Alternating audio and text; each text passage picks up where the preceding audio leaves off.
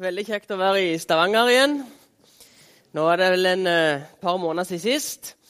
Og det er vel her uh, jeg ble presentert som snekkersønnen fra um, Nasaret. Men jeg har også en mor fra Varhaug, så det er derfor jeg, er en herlig kombinasjon. og det er derfor jeg er her nå i, uh, Siden jeg bor i Kristiansand til vanlig, så jobber jeg på Ansgarskolen. Så nå er jeg hjemme på juleferie. For å dra litt mer til historien, da, så er jeg jo egentlig snekker sjøl før jeg ble teolog. Så nå har jeg hatt en tur oppe i Sirdalen og bygd noen hytter. Og så har jeg kjørt ned igjen her. Ikke noen hytter, men jeg har bygd litt på noen hytter. Så jeg har kjørt ned her igjen. Men det holder også med til historien når folk sier at jeg er snekker og snekkersønn fra Israel og drar alle disse ligningene. Jo lenger og lenger du drar så kan du jo ta den til slutt at nå er jeg 34, så jeg skulle egentlig både vært død og stått opp igjen. Som sagt, veldig kjekt å være her, men jeg er her både frivillig og likevel så har en som noen av dere kjenner veldig godt, Roy Elling Foss, han sa til meg du skal til Stavanger og tale. Og når Roy Elling sier det, så er det akkurat som Alice Førgensen sier noe til Ole Gunnar Solskjær. Da er det bare 'yes, sir'. Så her er jeg. Veldig kjekt å være her. Og takk for invitasjonen. I dag eh, skal jeg dra, med, skal jeg dra dere gjennom Efeserbrevet litt i fem og seks. Historien er sånn at Paulus han reiste rundt eh, Eller må gjerne si Paulus her eh, i Stavanger. Her. Paulus han reiste rundt eh, og planta menigheter. Og så var det litt sånn at Da han begynte å plante disse første menighetene, så kom det noen sånne små stridsspørsmål. Og En av disse stridsspørsmålene var egentlig disse kristne. Skal de i groen bli jøder først før de blir kristne? Så de hadde en sånn, en, eh, I Galaterbrevet noen av disse menighetene så krangler de litt på skal de omskjæres eller ikke når de skal bli kristne. Så det er i denne settingen her Paulus skriver til Galaterbrevet. Skal de bli jøder først eller ikke? er spørsmålet. Men brevet heter i groen at frihet til Kristus eller til frihet er dere kalt. Så brevet handler en del om, eller spesielt 5 og 6, kapittel 5 og 6 snakker om friheten i Kristus. Så da er det i groen, Skal du holde alle disse 300 og en del reglene og bli omskåren før du blir kristen, eller er troen nok? I eh, Galaterbrevet 5,14 så sier de eh, så, så begynner han i groen med 'tjen hverandre i kjærlighet'. For hele loven blir oppfylt i dette budet. Altså ikke alle disse 300 reglene eller 316 eller Det er veldig forskjellig hvor mange regler du sier, men det er ca. 316 regler som ligger som jødene skal holde. Og så sier, så sier um, Paulus dette her, men tjen hverandre i kjærlighet, for hele, hele loven blir oppfylt i dette ene budet. Du skal elske din neste som deg selv. Du skal elske de neste som deg selv. Dette er jo en veldig sånn, kjent eh, bibelsk språkbruk. Vi finner det faktisk helt tilbake igjen i, eh, i tredje Mosebok, og så finner vi det i evangeliene. Der sier Jesus flere ganger at hele loven er oppfylt. Ja, du, skal du skal elske din Gud og hele ditt hjerte, all din forstand og all din kraft. Og det neste er likeså. Du skal elske de neste som deg selv. Paulus også drar opp denne språkbruken og så sier han altså, du oppfyller i grunnen hele loven med å elske de neste som deg selv. Og så er det sånn å være menneske, og min gode venn Paulus han eh, tar mange ganger fram en kamp som ligger i mennesket. Og det er den der at vi skulle ønske vi gjorde det gode, men på et eller annet vis så gjør vi ikke det vi ønsker, men vi gjør det vi ikke ønsker. Så mange ganger skulle vi ønske vi skulle gjøre en ting og ønske at vi skal gjøre godt. Og så merker vi så mange ganger vi kommer til kort, og så gjør vi det vi egentlig ikke ville, vi ville gjort. det gjør vi. Paulus kaller det mange ganger for kampen mellom kjøtten og ånden. Han kaller det mellom kampen mellom kjøtten, kjøttet og ånden. Og når Paulus snakker om kjøttet, så er det liksom ikke helst dette herrene som ligger ut forbi eh, vårt skjelett. Men det er som regel vår egen syndige natur. Og Paulus skisser opp denne kampen, og så kommer han med ei lang liste i Galaterne om hva som er kjøttets frukt, eller hva som er dette som egentlig ikke vil gjøre, som egentlig gjør. Og så er, det i grunnen litt negativt, så jeg skal lese det litt fort. Er dere klar?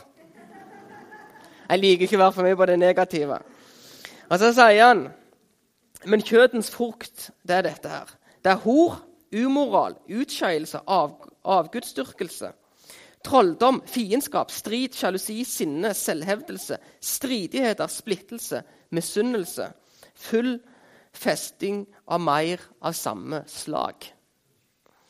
Så her i går bare drar han på. Altså Han sier strid, krangling, sjau, selvhevdelse.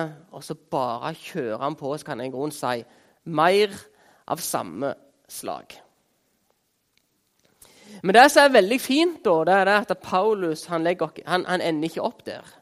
Men så sier han der Men åndens frukt er Så vi strider, sier han, imellom ånden og kjøttet. Nå leste jeg kjøttets frukt.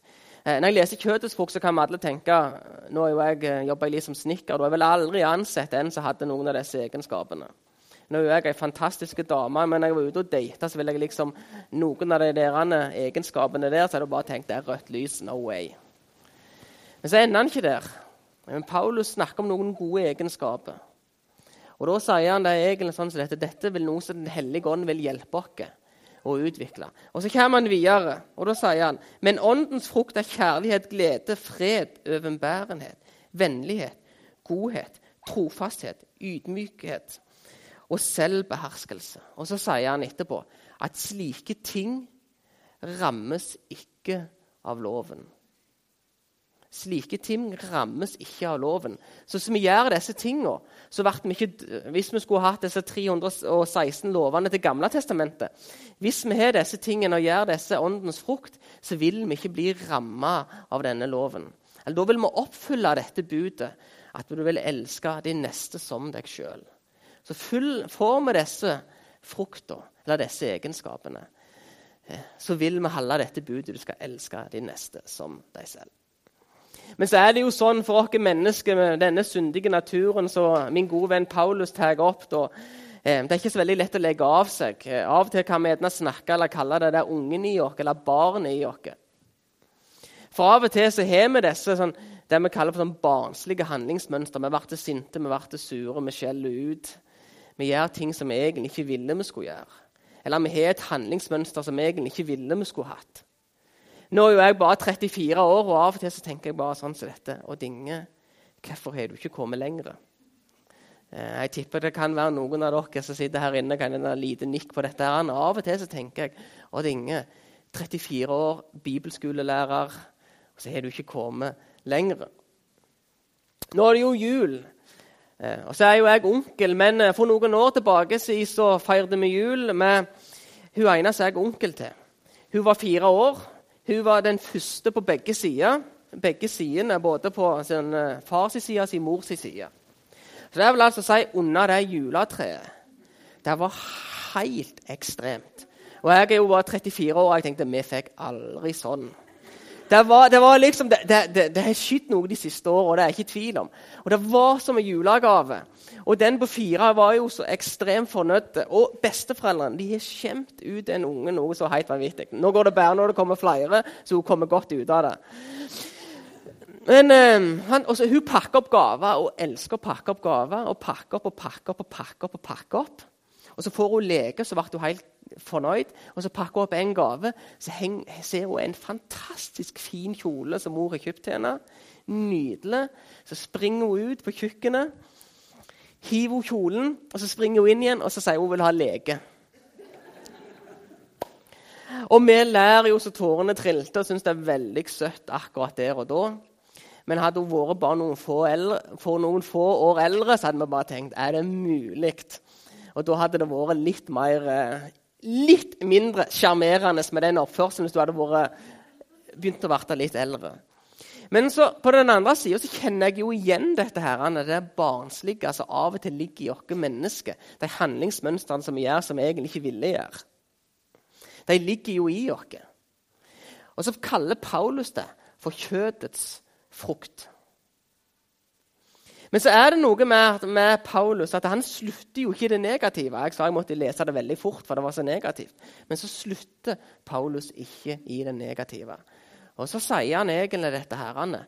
Men så lenge vi vandrer med Herren, så vil jeg skape gode ting i deg. Så lenge vi vandrer på Guds vei, så vil jeg begynne å skape noen gode ting i deg. Så lenge vi vandrer med Ånden, eller vandrer med Jesus, så vil han begynne å skape gode ting inni oss. Så jeg vet at jeg er ikke håpløs, jeg er ikke overlatt til meg sjøl. Så da sier egentlig den uh, Paulus at dette skal jeg hjelpe deg med. Et eksempel på dette, hvis jeg leser i, uh, hvis jeg leser i Salme 1 så, er det et vanvittig flott er det en vanvittig flott bibeltekst som begynner. Også I Salmen så står det 'salig er', altså ekstra lykkelig, overlykkelig, kjempelykkelig. Eh, salig er den som ikke følger den lovløses råd, eller går på synderens vei, eller sitter i spotterens sete. sete. Så sier han i Salme 1, 1, nei, Salme 1 2. Men han som har sin glede i Herrens lov, og grunner på den dagen, dag og natt. Han er lik et tre, plantet ved rennende vann. Det gir frukt i rett tid, og løvet visner ikke. Og alt han gjør, skal lykkes. Så på denne vandringen som Den hellige ånd skal få lov å gjøre, og forandre dere fra innsida og ut, og skape disse fruktene, så sier han dette her, Anne. Salig er den mann, ekstra lykkelig er den mann som går og tenker på Herrens lov, altså Herrens ord. Eller den som går og tenker på Herrens ord, eller den som går og ber, og ber denne bønnen. Forandre meg, hjelp meg, hjelp meg å gjøre det rette. Og går og tenker på Guds lov, eller går og tenker på Guds ord, eller går og tenker på det som rett og slett Jesus har gjort. Han sier de er lik et tre som står med rennende bekker. Står med rennende bekker. Det vil gi sin frukt i rett tid, og løvet visner ikke.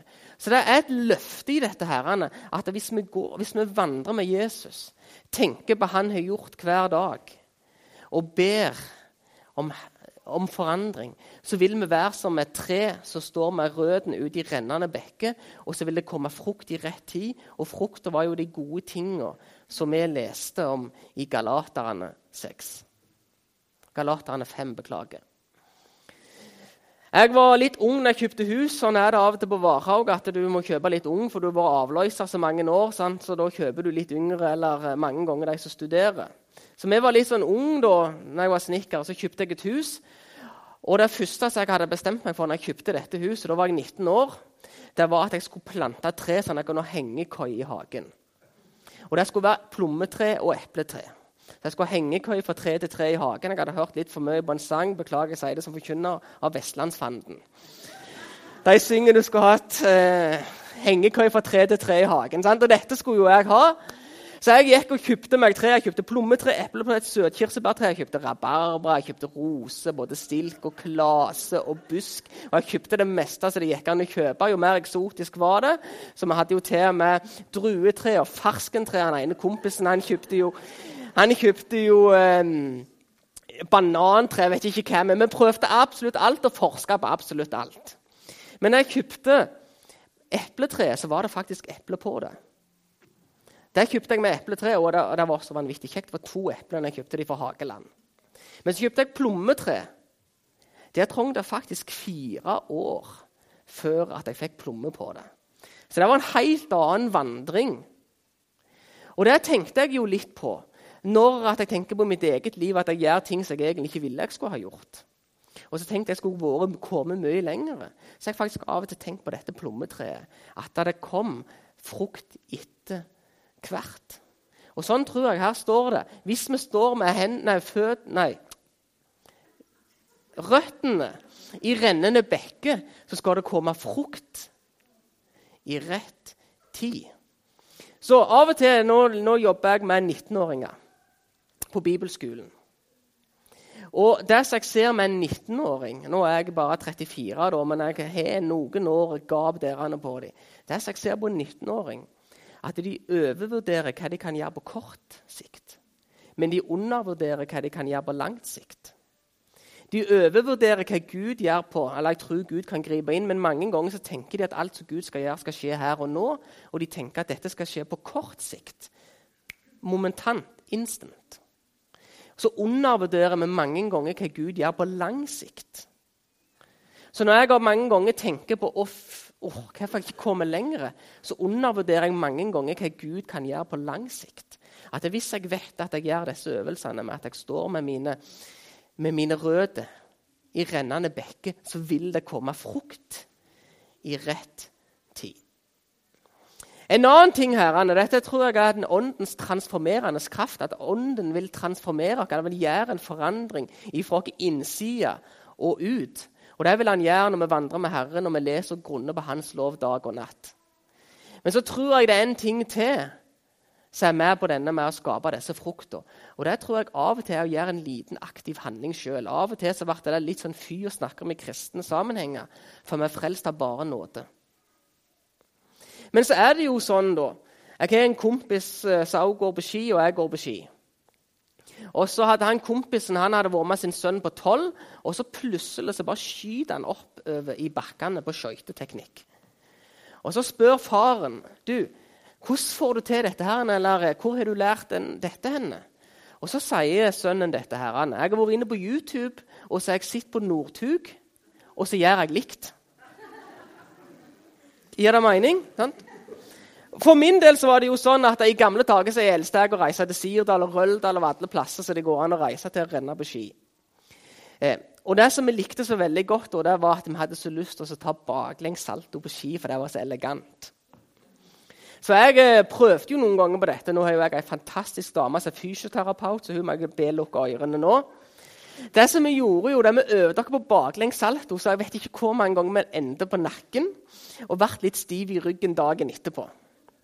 Så vi øvde dere og øvde dere, øvde dere på å ta baklengs salto. For det er faktisk ikke naturlig for et menneske liksom å hive seg bak og så lande på føttene. Liksom det er ikke naturlig, altså det er ting som vi gjør som ikke Av og til er det ikke like naturlig for oss mennesker heller å gjøre godt. For av og til er vi så egoistiske, akkurat som mitt uh, hus jeg er onkel til. Vi er så egoistiske, Det er ikke alltid naturlig å gjøre godt. Og så er det ikke naturlig å hive seg bak og lande på føttene. Så det var En som skulle lære meg dette. her, Han var litt flinkere. så han, han, ga meg stemme i hodet. Det er veldig fint med stemme i hodet. Så han sier sånn som dette til meg. altså, Når du er på hoppkanten, så skal du få så mye høyde som du klarer. Det er det første du fokuserer på. Ikke sve, altså, Få så mye høyde du kan. Og når du er på toppen av, uh, på høyden, så skal du søke bakover. Du skal søke bak, og så skal du kikke etter landing hele veien. Du skal søke etter landing. Opp, Eh, len deg bak, søk etter landing. Altså, kikker, for Du lander som regel der du kikker. som de sier. Det samme som fotballen. Der du ser, der skyter du han. Så han ga meg disse stemmene i hodet. Få opp høyden, len bak og søk etter landing. Og Til slutten så gikk jo dette, og det var jo et stort halleluja. Det var jul og påske og alt på samme tid. altså Det var jo så fantastisk den første gangen jeg landa en baklengs salto på ski. Men det er jo ikke naturlig for et menneske. sant? Og rett og slett å hive seg bak og lande på føttene. Og Det er ikke alltid like naturlig for et menneske å gjøre godt, men der kommer det. I, ehm, når, når, når, den barmhjertige samaritanen når Jesus har fortalt historien om den barmhjertige samaritanen, så avslutter han med 'gå du og gjør likeså'. Og Der tror jeg det er en liten sånn oppfordring med 'gå du og gjør godt'. Gå du og gjør likeså. Og det som kommer til da, det er det der med at jeg tror av og til så må vi faktisk trene oss på å gjøre det gode. Av og til tror jeg vi må ta en aktiv handling. Så jeg tror når Jesus skal forandre oss, eller Ånden skal forandre oss, så gjør han det på to måter. Den ene måten han gjør det på, det er når vi vandrer med Herrens lov. eller når vi står med, med, når vi står med røttene i bekkene, så vil han gjøre en forandring. Altså når vi er i Herrens ord, når vi ber, synger og grunner på Herrens lov, så vil han gjøre en forandring. Men så tror jeg det er nummer to òg, at vi faktisk må øve oss på å gjøre det gode. Så i de tingene der, For å få åndens frukt så tror jeg det er to ting. Ånden transformerer oss imens at vi øver oss. To ting for å få åndens frukt.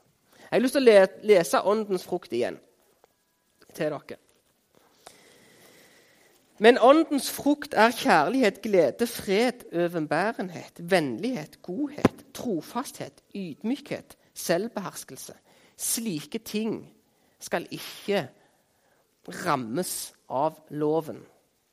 Og Når jeg leser disse tingene, så bare tenker jeg hele veien det der Å, kjære, gode Gud. Ta så Forandre meg. Ta så Hjelp meg til å få disse gode egenskapene. Det var en eh, periode i mitt liv der jeg eh, jobbet eller kjempa med et spørsmål. Og spørsmålet er dette her, Anne. Hva vil det si å være åndelig? Eller hva vil det si å være åndelig? Kommer fra Varhaug. Hva vil det si å være åndelig? Eller hva vil det si å være åndelig? Og Det var en, sånn, en liten sånn, en, eh, sånn kamp for meg. eller Jeg kjempa en del med dette spørsmålet. For mange ganger så ble gjerne åndelig knytta opp til inderlige følelser, en stor hengivenhet, eller det vises kanskje på bønnemøter, eller det vises kanskje i veldig under lovsangen. Altså, det ble fort at det ytre ble vist, både i lovsang eller i bønnemøte eller, hva så hell, eller sånn noen ting. Så er det veldig fort som vi måler åndelighet. Så for meg så ble det ei greie, for jeg har så veldig mange venner så kanskje gjerne ikke er de som føler mest, eller er mest ivrige eller mest entusiastiske på alle områdene. En typisk jærbonde ikke si at jeg sa det, men en typisk jærbonde er jo jordnær og rolig. Og det er jabbene som drar, sier de. sant? Altså, det er den der eh, og av og til, da, hvis f.eks. idealet ble inderlige åndelige følelser eller veldig hengivelse i lovsang, så er det mange ganger at de gjerne ikke følte seg like sånn, og, og like åndelig. Kunne gjerne få et lite sånn, et problem er jeg god nok, er jeg kristen nok. Så jeg har fått veldig sånn, eh, mange som kommer til meg og sier at jeg føler meg ikke åndelig nok. Og Det gjorde jo at jeg begynte å kjempe med dette spørsmålet hva er åndelighet. Og så når jeg holdt på å jobbe med åndens frukt, så ser jeg at ja, åndens frukt det er faktisk frukt, det er egenskaper som den, den, hellige ånd vil gi hver enkelt. Og hvis en person da har noen av disse egenskapene, så vil det jo si at han har ånden. Eller ånden har gjort et verk i hans liv. Så det er veldig vanskelig å måle åndelig modenhet eller, åndelig, eller hvor åndelig en person er. Men jeg tror at å Se et åndelig menneske, så kommer åndens frukt til syne. Jeg tror at hos et åndelig menneske så vil det vises disse egenskapene. Så For mange av de vennene mine da, som sier at jeg føler meg ikke så veldig åndelig, så har jeg bare lyst til å fortelle dem at hvis jeg trenger hjelp, så er det deg jeg spør.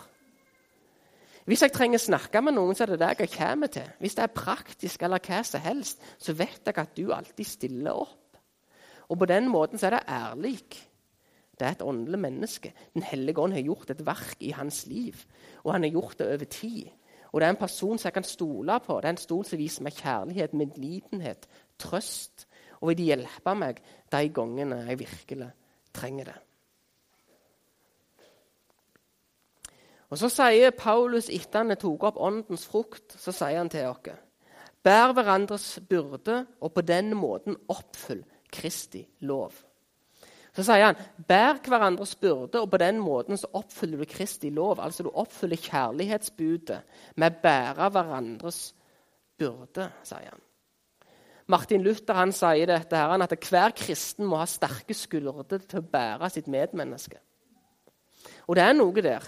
Og jeg tror Hvis vi skal bære hverandres byrde, så er vi helt avhengige av Den hellige ånd, som kommer og forandrer oss fra innsida ut og gir oss åndens frukt. Så Hvis vi skal bære hverandres byrde i fellesskap, i Stavanger, i jul og i familien, så er vi avhengige av at åndens frukt har kommet og gjort et verk i vårt liv. Og så det som jeg sier, det skjer på to ting.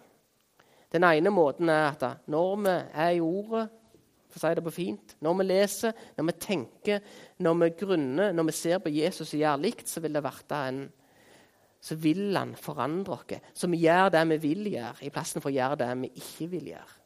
Og På den måten så vil vi være i stand til å bære hverandres byrde og på den måten oppfylle Kristi lov. I eh, slutten av Galaterne 6 så sier Paulus dette. her, så la oss ikke bli trette av å gjøre det gode. Så la oss da ikke bli trette ved å gjøre det gode. Når tiden er inne, skal vi høste, bare vi ikke gir opp. Så la oss ikke bli trøtte av det gode, for når tiden er inne, skal vi høste, bare vi ikke gir opp. Og Det er et, sånn, et vanvittig sånn oppmuntringsvers for meg. La meg ikke være trøtte eller slitne av å gjøre det gode. I groen så tror jeg egentlig Paulus sier at vi blir av til trøtte og slitne av, faktisk av å gjøre det gode. Men ikke, så sier han men ikke bli det. For når tiden er inne, så skal dere høste. Bare dere ikke gir opp. Og det tror jeg Av og til skal vi verte sånn oh, Når vi vil gjøre det gode, så kan vi si at det er så mye som jeg egentlig ville gjort. Det er så mye nød jeg egentlig ser. Og så er det sånn en utfordring av det for oss mennesker, for vi klarer ikke alltid fikse alt. Men så sier Paulus til oss bli ikke trøtte av å gjøre det gode, for når tiden er inne, så vil du høste. Og En av åndens frukt er faktisk at vi skal rett og slett være tålmodige. Så vær tålmodig og gjør det gode, så vil vi høste. Bare vi ikke gir opp. Så For å oppfylle denne Kristi loven så tror jeg vi er helt avhengige av å ha disse gode egenskapene. Og Da kunne vi oppfylle Kristi lov, altså kjærlighetsbudet. Og så vil det gi oss kraft, kjærlighet, visdom til å fortsette å gjøre det gode og ikke gi opp. Og på den måten så vil vi høste. Et eksempel på dette her er vi ikke gi opp, med å så og så i det gode. Jeg har en bror, han er to år eldre. Når han var 15, så gikk han vekk fra Jesus. Så levde han litt mer sånn så, altså, så Paul, nei, så de sier men bortkomne sønnen. Han levde et litt villere liv eller hva han egentlig hadde gjort. Og min mor hun ba og ba og ba for bror min. Og Så sier alltid mor dette her, jeg tror at han kommer til å komme til Jesus en gang, men jeg tror det ville verte Eller det ble sikkert ikke så lenge jeg lever. Men hun tror at en dag så vil han komme til Jesus. Og Så kom han etter ni år så kom han tilbake igjen til Jesus. og Det var jo en gledens dag i familien vår. Men det verset der har lært meg da, og når jeg tenker på min bror og har bønnen til min mor Altså så i bønne, så i godhet, og fortsett å be, fortsett å gjøre godt, og ikke gi opp. Og en dag da så vil vi høste. Så det er så, Budskapet i dag det er dette herrene. Den hellige ånd vil hjelpe oss å gjøre godt. Og det trengs i jul, det trengs gjennom hele året. Så vil han hjelpe oss å gjøre det gode. Han vil hjelpe oss å oppfylle Kristi lov så lenge vi ikke gir opp. Så det er med å grunne på Herrens lov og trene oss på å gjøre godt, så vil han forandre oss fra innsida og ut, og da vil han hjelpe oss med å bli mer kjærlighet, fylle oss med glede, fylle oss med fred, fylle oss med overbærenhet, Fylle dere med vennlighet, fylle dere med godhet, fylle dere med trofasthet, fylle dere med ydmykhet og selvbeherskelse. Så jeg har lyst til å be for dere. Kjære gode Gud, la det verte en jul som er full av åndens frukt. Kjære Hellige Ånd, jeg ber at du må komme til hver enkelt og hjelpe oss å gjøre det vi vil gjøre, i plassen for å gjøre det vi ikke vil gjøre. Kom du, Hellige Ånd, og gjør et verk på innsida. Kom du og forandre oss fra innsida ut, så vi kan bli likere og likere deg, Jesus. Så vi kan, verte, så vi kan få de egenskapene som du har. Hjelp oss òg i å gå du og gjøre likeså. Hjelp oss òg i den der aktive handlingen til så vi kan trene oss og gjøre det gode. Men tusen takk, Jesus, for du ikke har latt dere være alene. Takk for du har gitt dere Den hellige ånd. Og takk for du har sagt at du vil vandre med oss. Og takk for du har sagt at du vil gjøre et verk i vårt liv. Så da ber vi den gamle bønnen Kom du, Hellige ånd, og gjør et verk i vårt liv. Så jeg har lyst til å be for denne jula at det skal bli ei jul fullt av åndens frukt. Og fullt av kjærlighet og fred og glede. Amen.